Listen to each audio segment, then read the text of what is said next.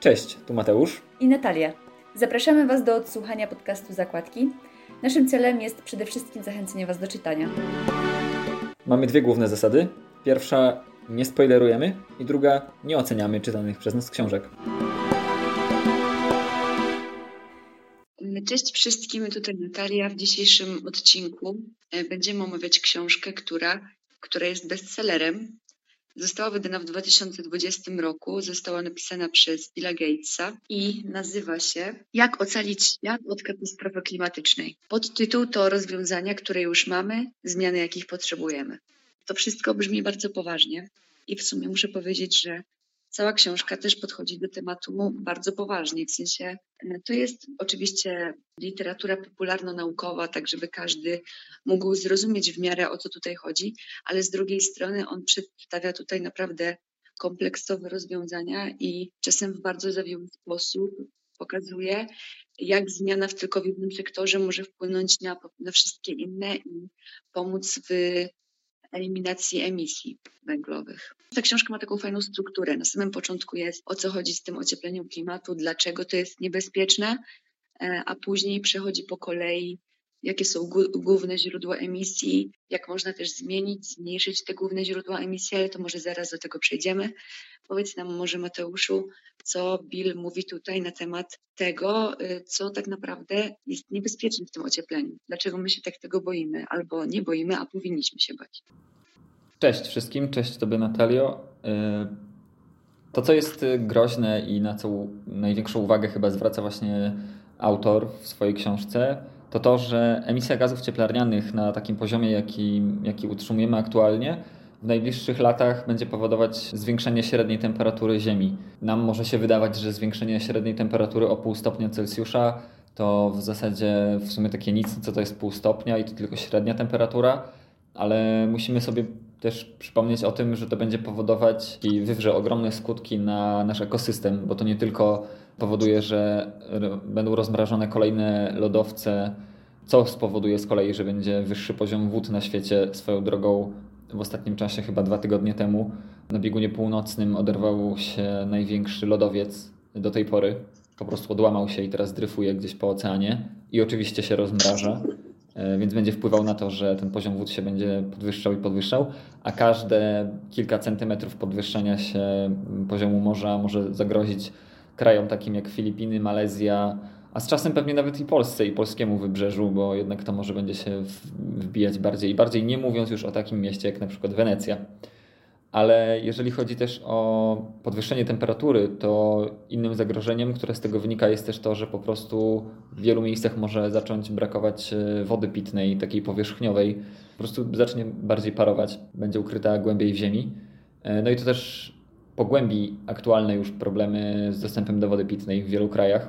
A jeżeli chcielibyśmy przejść tak e, do tego, co nam najbliższe, nam w Polsce chyba też nie jest teraz najlepiej, jak mamy upały te 30-stopniowe, które wcześniej były niespotykane i pobijamy kolejne rekordy ciepła i zanoszą się jeszcze kolejne. Więc właśnie to wszystko jest spowodowane przez te gazy cieplarniane. Ważną rzeczą, którą też zauważa autor, jest to, że to nie jest tak, że mówiąc o gazach cieplarnianych mówimy tylko o dwutlenku węgla. Dwutlenek węgla to jest tylko kilkadziesiąt procent wszystkich gazów, które powodują podniesienie się średniej temperatury na Ziemi, ale to też e, inne gazy, które są równie ważne, a produkowane na przykład tak. przez zwierzęta hodowlane. Tak, ja tutaj też dodam, że piszę sporo na, na temat tego, że ocieplenie klimatu spowoduje o wiele więcej, o wiele szybszy i większy przyrost takich katastrof klimatycznych, czyli po prostu, krótko mówiąc, będzie więcej huraganów, tsunami, dlatego że podwyższona temperatura powietrza będzie e, na to wpływać. Oprócz tego on też wskazuje tutaj, że już teraz dochodzi do wzrostu temperatury w niektórych miejscach na świecie, do takich ekstremalnych temperatur. No i może się okazać, że na przykład za 15 lat mieszkanie w Afryce, na przykład w niektórych jej częściach, będzie zupełnie niemożliwe dla ludzi i wtedy będzie też ogromna fala uchodźców którzy będą chcieli się przenieść, no bo wiadomo, nie będą mogli żyć na tamtych terenach albo będą też umierać. Autor też tu pisze, że co roku coraz więcej ludzi umiera z powodu udaru cieplnego. Ponadto też zwraca uwagę, że jeżeli już ten stan będzie bardzo krytyczny, e, temperatura się podniesie do już naprawdę jakby wyż, wyższych wartości. Wystarczy o, o półtora stopnia, żeby się podniosła, ale też, że się będzie utrzymywać już jakiś czas, to dojdzie w końcu do tego, że ludzie, nawet y, pocąc się, nie będą w stanie jakby oziębić czy oddać ciepło do swojego organizmu, dlatego że wilgotność powietrza już będzie tak duża, dlatego że przez wysoką temperaturę będzie wyparowana woda do powietrza i już będzie tak długa, duża wilgotność, że nie będzie w stanie przyjąć naszego potu. Więc może dochodzić do takich sytuacji, że my po prostu będziemy, umiera, będziemy umierać z przegrzania no to, to wszystko na razie się zapowiada, że no czekaj, to wcale nie aż w takiej dalekiej przyszłości. Dlatego, że tu autor nie pisze o 50 czy 100 latach, tylko o 20. Dokładnie tak. To, co też jest takie rozbrajające chyba już na samym początku, w pierwszych zdaniach tej książki, to to, że autor strzela w nas, dosłownie strzela w nas konkretem, bo podaje, że każdego roku emitujemy do atmosfery jako ludzkość, jako obywatele tej planety 51 miliardów ton gazów cieplarnianych. I do 2050 roku, czyli w ciągu 29 lat, musimy zmniejszyć tę emisję, musimy z nią, zejść z nią po prostu do zera, aby zatrzymać zmiany klimatu. I to też nie będzie tak, że ten klimat od razu się zregeneruje. E, I też nie możemy oczywiście z dnia na dzień, ani nawet z roku na rok ograniczyć tej emisji albo w ogóle z niej zrezygnować, bo to o to chodzi.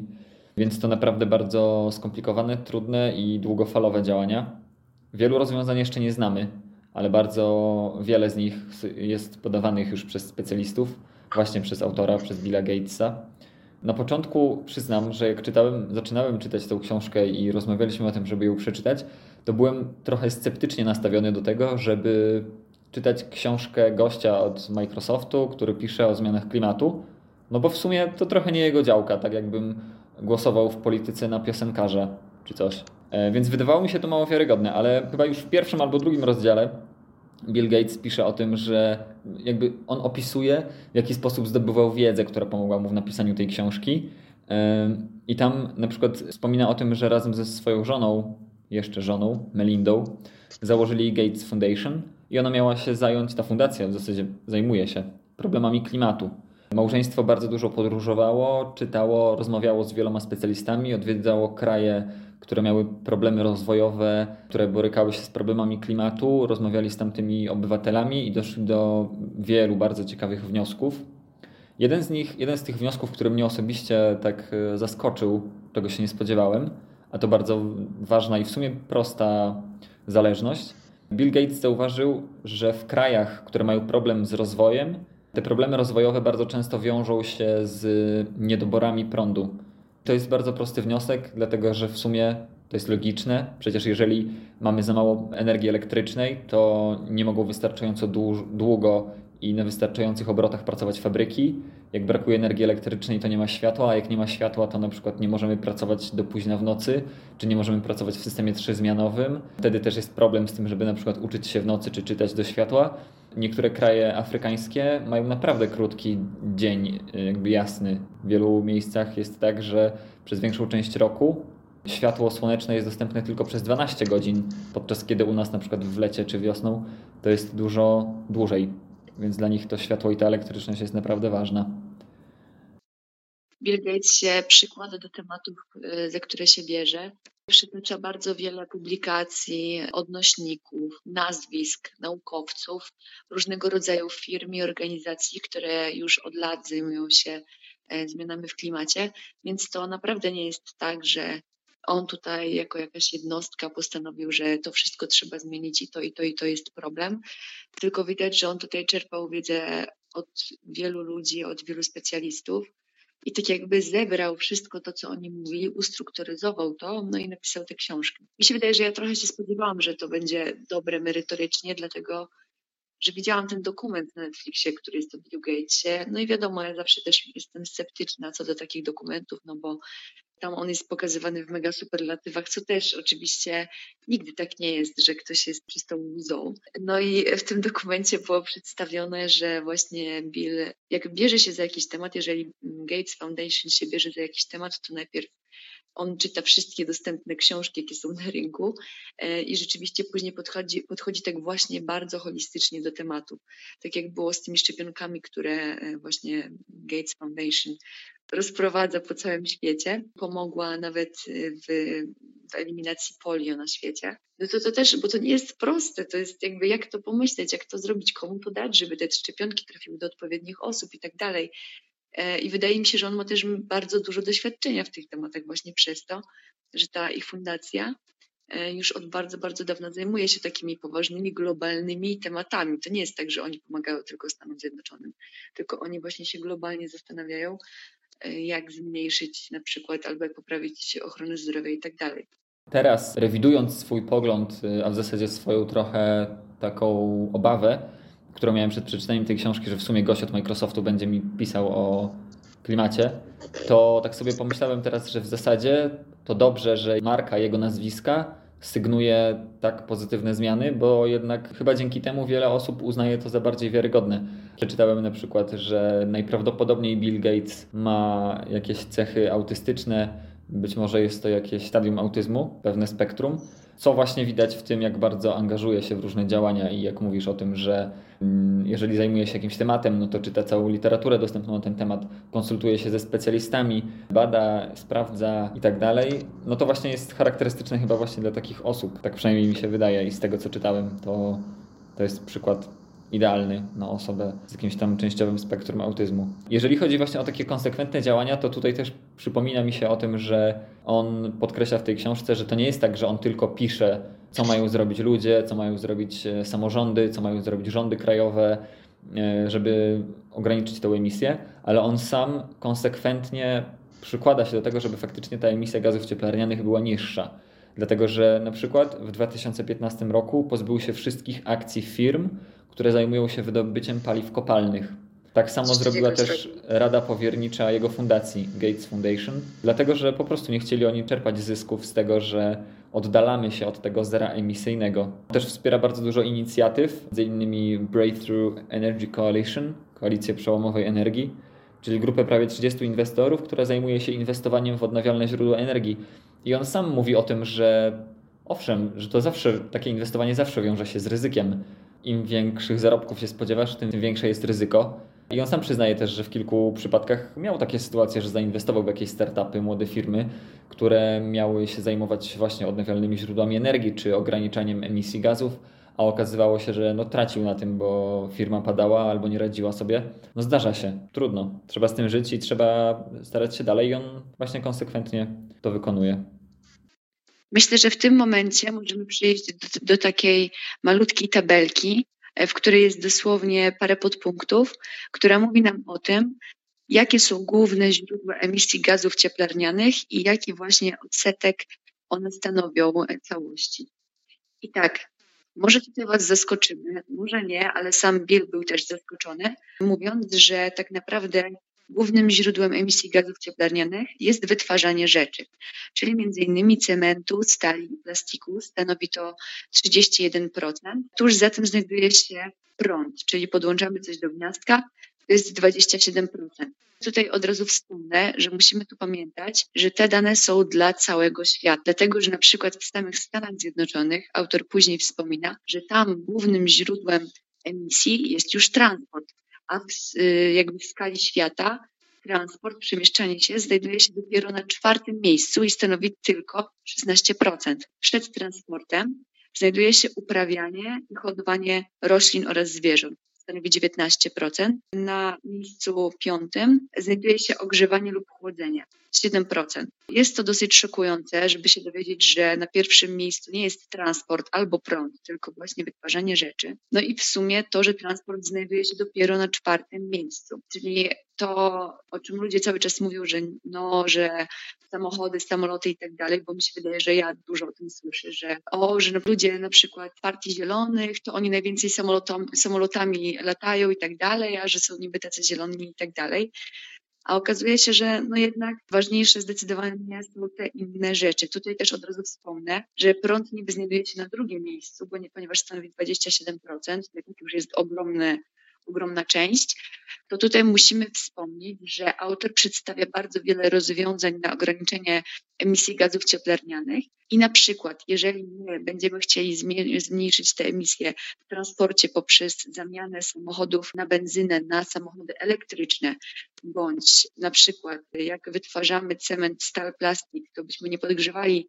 składników tych rzeczy czy tych jakby produktów właśnie węglem, tylko byśmy podgrzewali prądem, to by się okazało, że jakby się nam udało znaleźć tak zwany zielony prąd, czyli nauczyć się tworzyć prąd w sposób ekologiczny, to moglibyśmy go później wykorzystywać w innych gałęziach, które powodują tę emisję, i by się okazało, że prąd jest jakby, może nie stanowi obecnie głównego źródła, ale stanowi jakby najważniejsze przyszłościowe źródło, które mm, może w największy sposób ograniczyć emisję gazów też w pozostałych sektorach. Może to trochę skomplikowane było, ale tu chciałam właśnie powiedzieć, że dlatego tutaj autor przede wszystkim na pierwszym miejscu skupia się na energii, na tym w jaki sposób zmienić pozyskiwanie energii. Tak jest. Pozwolę sobie trochę sparafrazować to, co powiedziałaś w dwóch, trzech zdaniach. Chodzi o to, Natalii, chodziło o to, że nawet jeżeli nasze źródła energii zmienimy na to, żeby na przykład nie palić węglem, nie używać gazu, przejdziemy na energię elektryczną, to i tak musimy zwracać uwagę na to, z czego pozyskujemy tą energię elektryczną, bo jeżeli będzie to prąd, który powstaje w, w na przykład elektrociepłowniach napędzanych węglem, no to w sumie niczego to nie zmieni, bo i tak, żeby uzyskać tę energię, będziemy musieli spalić e, węgiel, czyli dostarczymy do e, atmosfery kolejne gazy cieplarniane. Dlatego musimy zwracać uwagę na to, z jakich źródeł pozyskiwany jest wykorzystywany przez nas prąd. Najlepiej, żeby to była oczywiście energia odnawialna, która nie wpływa negatywnie na ekosystem. Tutaj też. Tak, tutaj też od razu dobrym przykładem jest to przedstawienie tych samochodów. Jeżeli mamy samochód elektryczny, no to okej, okay, on nie ma spalin i tak dalej, nie tworzy gazów cieplarnianych, ale jest, jeżeli jest napędzany prądem, który powstaje w elektrowniach węglowych, no to tutaj trochę to nie ma sensu, nie? Dokładnie. Więc, Więc tutaj w tym przykładzie widać bardzo dobrze, jak autor konsekwentnie i holistycznie podchodzi do tematu. On nie patrzy jednopłaszczyznowo, ale zwraca uwagę na bardzo wiele aspektów każdego zagadnienia. I to właśnie dotyczy nie tylko tego, co możemy zastępować czym, ale też właśnie jak wspominałaś wcześniej o tym, że które źródła gazów cieplarnianych są najczęstsze i że to różni się oczywiście w zależności od kraju, to tam też on bierze pod uwagę to, że okej, okay, powiedzmy, że na przykład tutaj teraz podaję totalny przykład, bo nie wiem jak to wygląda w Polsce, ale załóżmy, że w Polsce najwięcej y, faktycznie tych emisji gazów pochodzi z produkcji energii elektrycznej, a na drugim miejscu byłyby na przykład wytwarzanie materiałów budowlanych, ale jeżeli większość, y, nie wiem, betonu czy stali,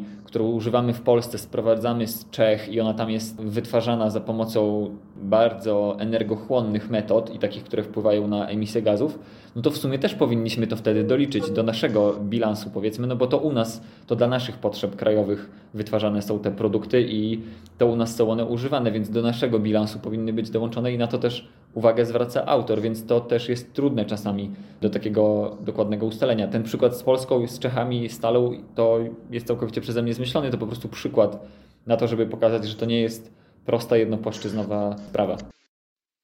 Tutaj, jak już mówimy właśnie o energii elektrycznej i tak dalej, no to możemy wspomnieć, o jakich alternatywach mówi nam autor. Nie mówi tutaj nic y, totalnie odkrywczego, o czym byśmy nigdy nie słyszeli, czyli mówi właśnie o energii słonecznej, mówi o energii wiatrowej, mówi o hydroenergii, ale też mówi oczywiście o energii atomowej, no oraz wspomina o fuzji jądrowej, ale sam w tej książce pisze, że no, nie nakręcajmy się tak na tą fuzję jądrową, dlatego że odkrycie tego i odkrycie, jak można to naprawdę zastosować w praktyce, e, no to zajmie naprawdę jeszcze kilkadziesiąt lat, e, dlatego że obecnie możemy już przeprowadzić fuzję jądrową, ale ilość energii potrzebna na przeprowadzenie tego procesu powoduje, że więcej energii jest zużywane do przeprowadzenia tej fuzji niż, niż się z tej fuzji uzyskuje. No to oczywiście jest to całkowicie bez sensu.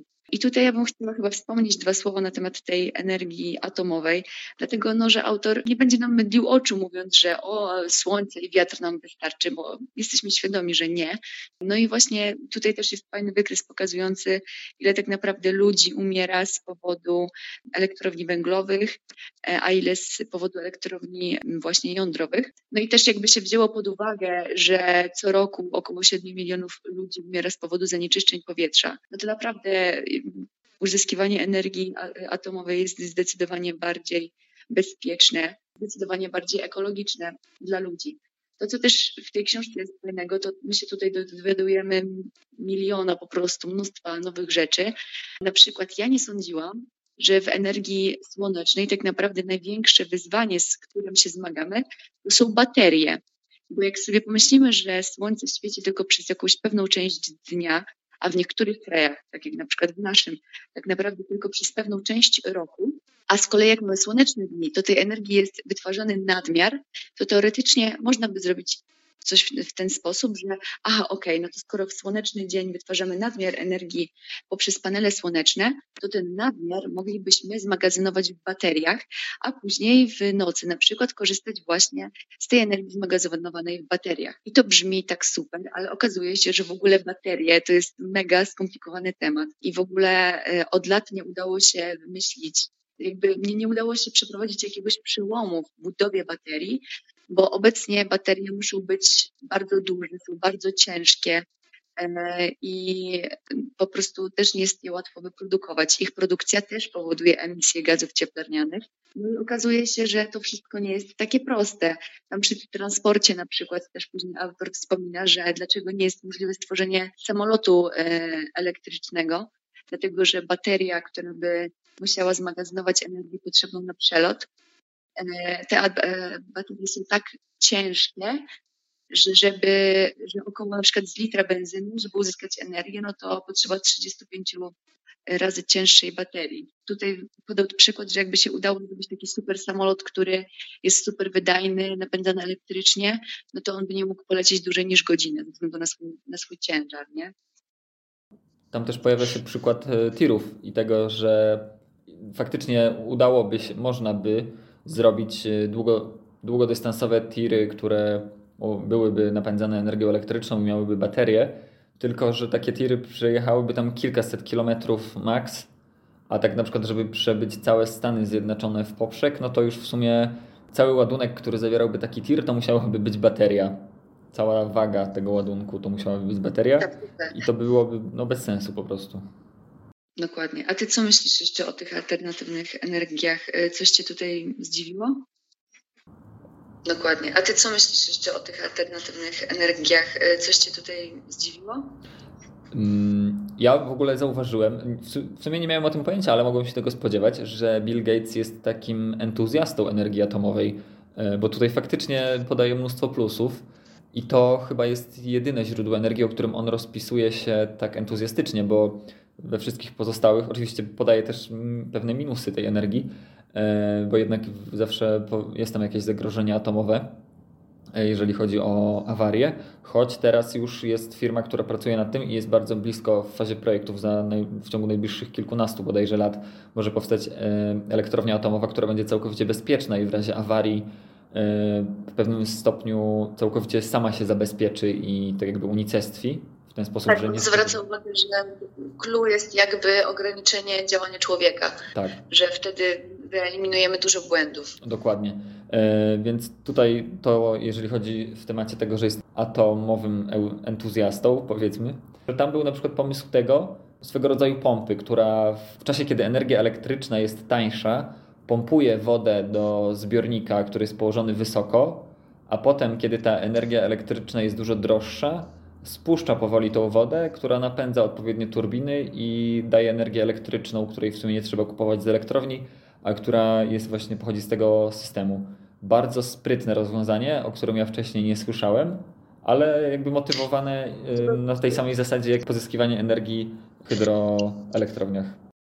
Tak, bo ja usłyszałam ostatnio o hydroelektrowni, w sensie czytałam jednocześnie tą książkę i włączam nagle podcast y, działu zagraniczny i tam jest o Butanie, o takim malutkim e, państewku, w którym właśnie jednym z głównych działów gospodarki jest właśnie ich e, elektrownia, ta hydroelektrownia i właśnie ona chyba działa w taki sposób, jaki opisałeś, tak mi się wydaje, e, że tak tam rozmawiali.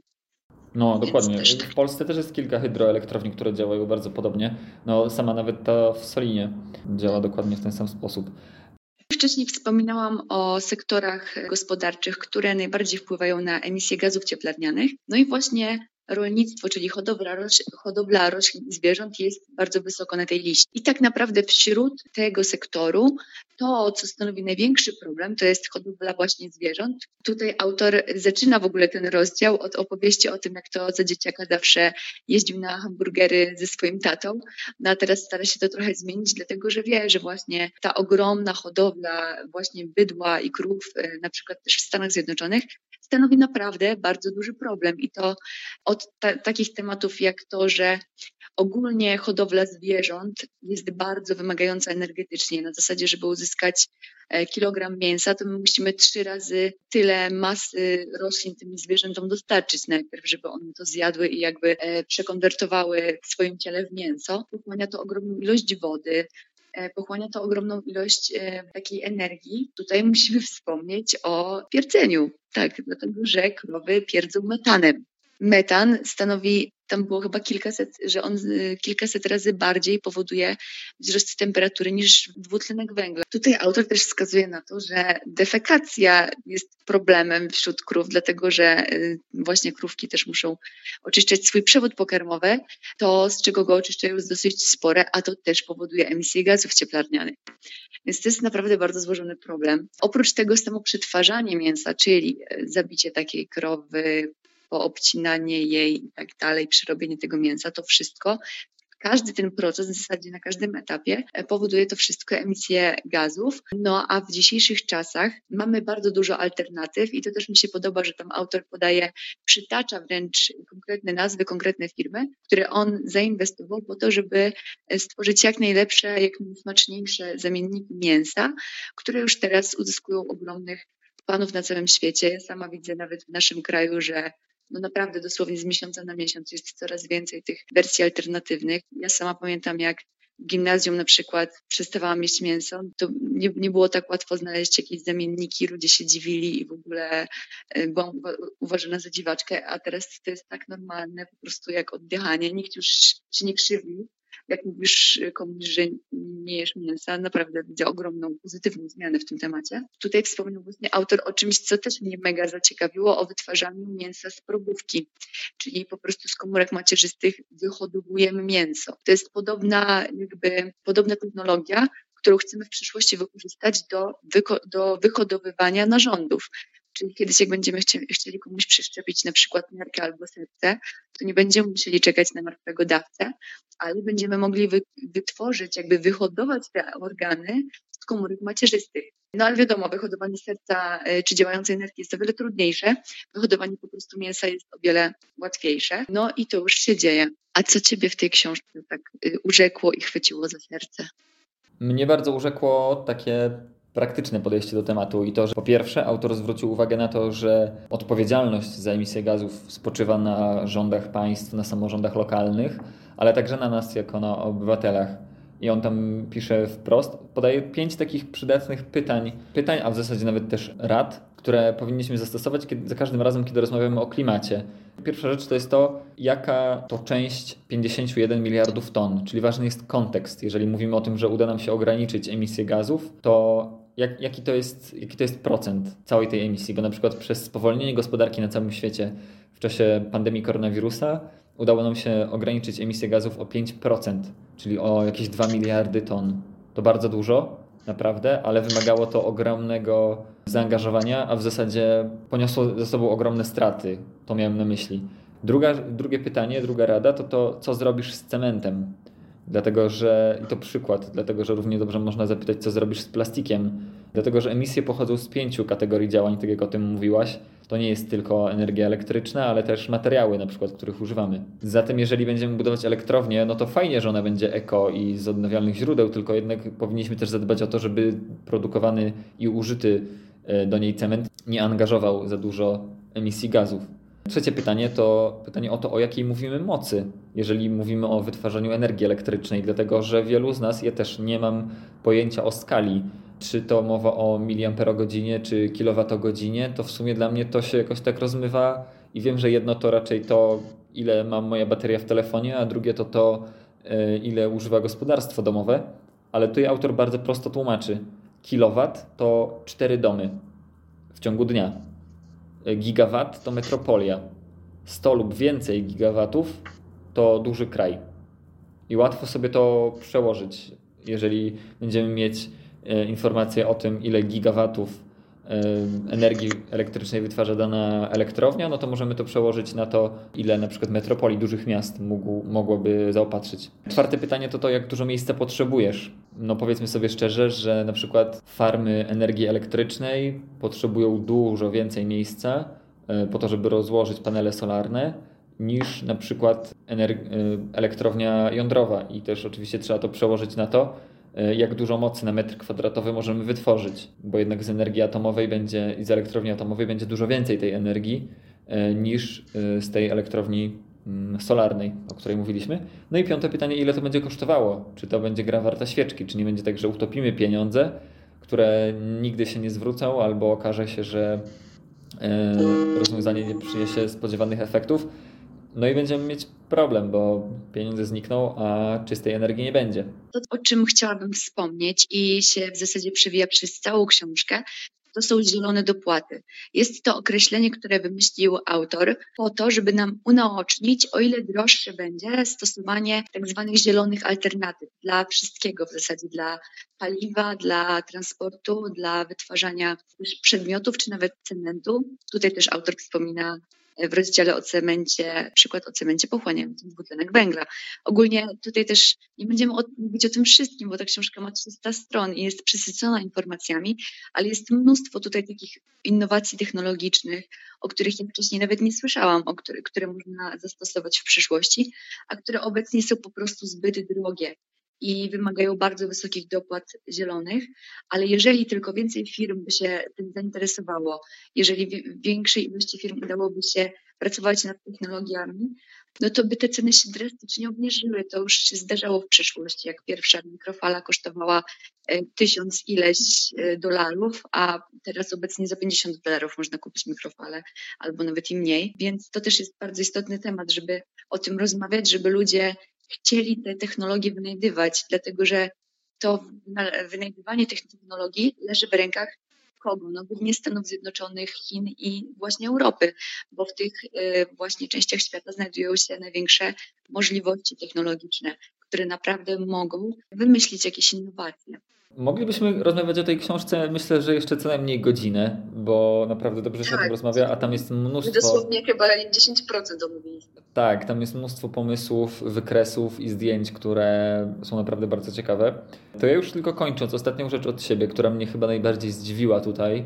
Za każdym razem autor zwraca się do czytelnika, czytelniczki, to znaczy pisze w formie zwróciłaś uwagę, zauważyłaś, przeliczyłaś, zobaczyłaś i w sumie nie ma w tym nic złego. Y, to nawet może bardzo dobrze, dobre rozwiązanie, które jest pewnie zastosowane akurat w wersji polskiej, w tłumaczeniu polskim, no bo wiadomo, w wersji amerykańskiej nie ma formy, która wskazywałaby na mm, płeć odbiorcy danego komunikatu. No to mnie najbardziej chyba zaskoczyło, jak to czytałem i zacząłem się zastanawiać, czy moja wersja elektroniczna tej książki to nie jest przypadkiem jakaś specjalna wersja dla kobiet, Powiedzmy może, że przełożył to Michał Rogalski e, i chcielibyśmy uzyskać informację, może ktoś wie, czy to było z premedytacją. No na pewno to było z premedytacją, to jest w całej książce. Tak, tak, tak. Ta, ta, ta, I tam nawet na końcu. Ale tak, może, też, może też szybciutko tu wspomnimy, że nawet Bill Gates y, poświęca część y, jakiejś strony na wspomnienie o tym, że gdyby kobiety miały większy udział w decyzyjności, to by emisje gazów cieplarnianych były o wiele mniejsze. Więc to może o to chodzi też tłumaczowi, że on chciał jakoś tak to podkreślić.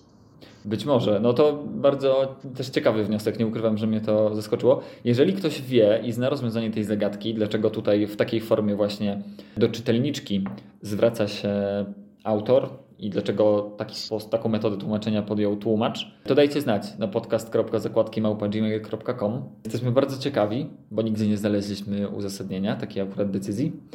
No i taki jeden prosty wniosek ode mnie, no chętnie spotkałbym się z tym Gatesem, nawet na jakiejś takiej konferencji, żeby on trochę poopowiadał o tym klimacie, bo pisze o tym bardzo ciekawie i na pewno też bardzo ciekawie o tym mówi. Właśnie ustrukturyzowany sposób, to już kilka razy tutaj powtórzyłam, no ale to jest dosyć istotne, że on naprawdę omawia każdą gałąź po kolei, później przedstawia plan, później mówi po kolei, co mogłyby zrobić rządy, co mógłby zrobić samorząd, co mogłyby zrobić pojedyncze osoby. No naprawdę gość nie, nie olewa sobie tematu, tutaj podszedł bardzo poważnie. No i omawia to na wiele sposobów. Na końcu on też, pomimo tego, że on przedstawia tutaj dosłownie tysiąc problemów, on cały czas mówi, ale my mamy rozwiązania, my naprawdę możemy coś zmienić, my możemy zrobić y, jakąś zmianę, dlatego że już historia nie takie pozytywne zmiany widziała.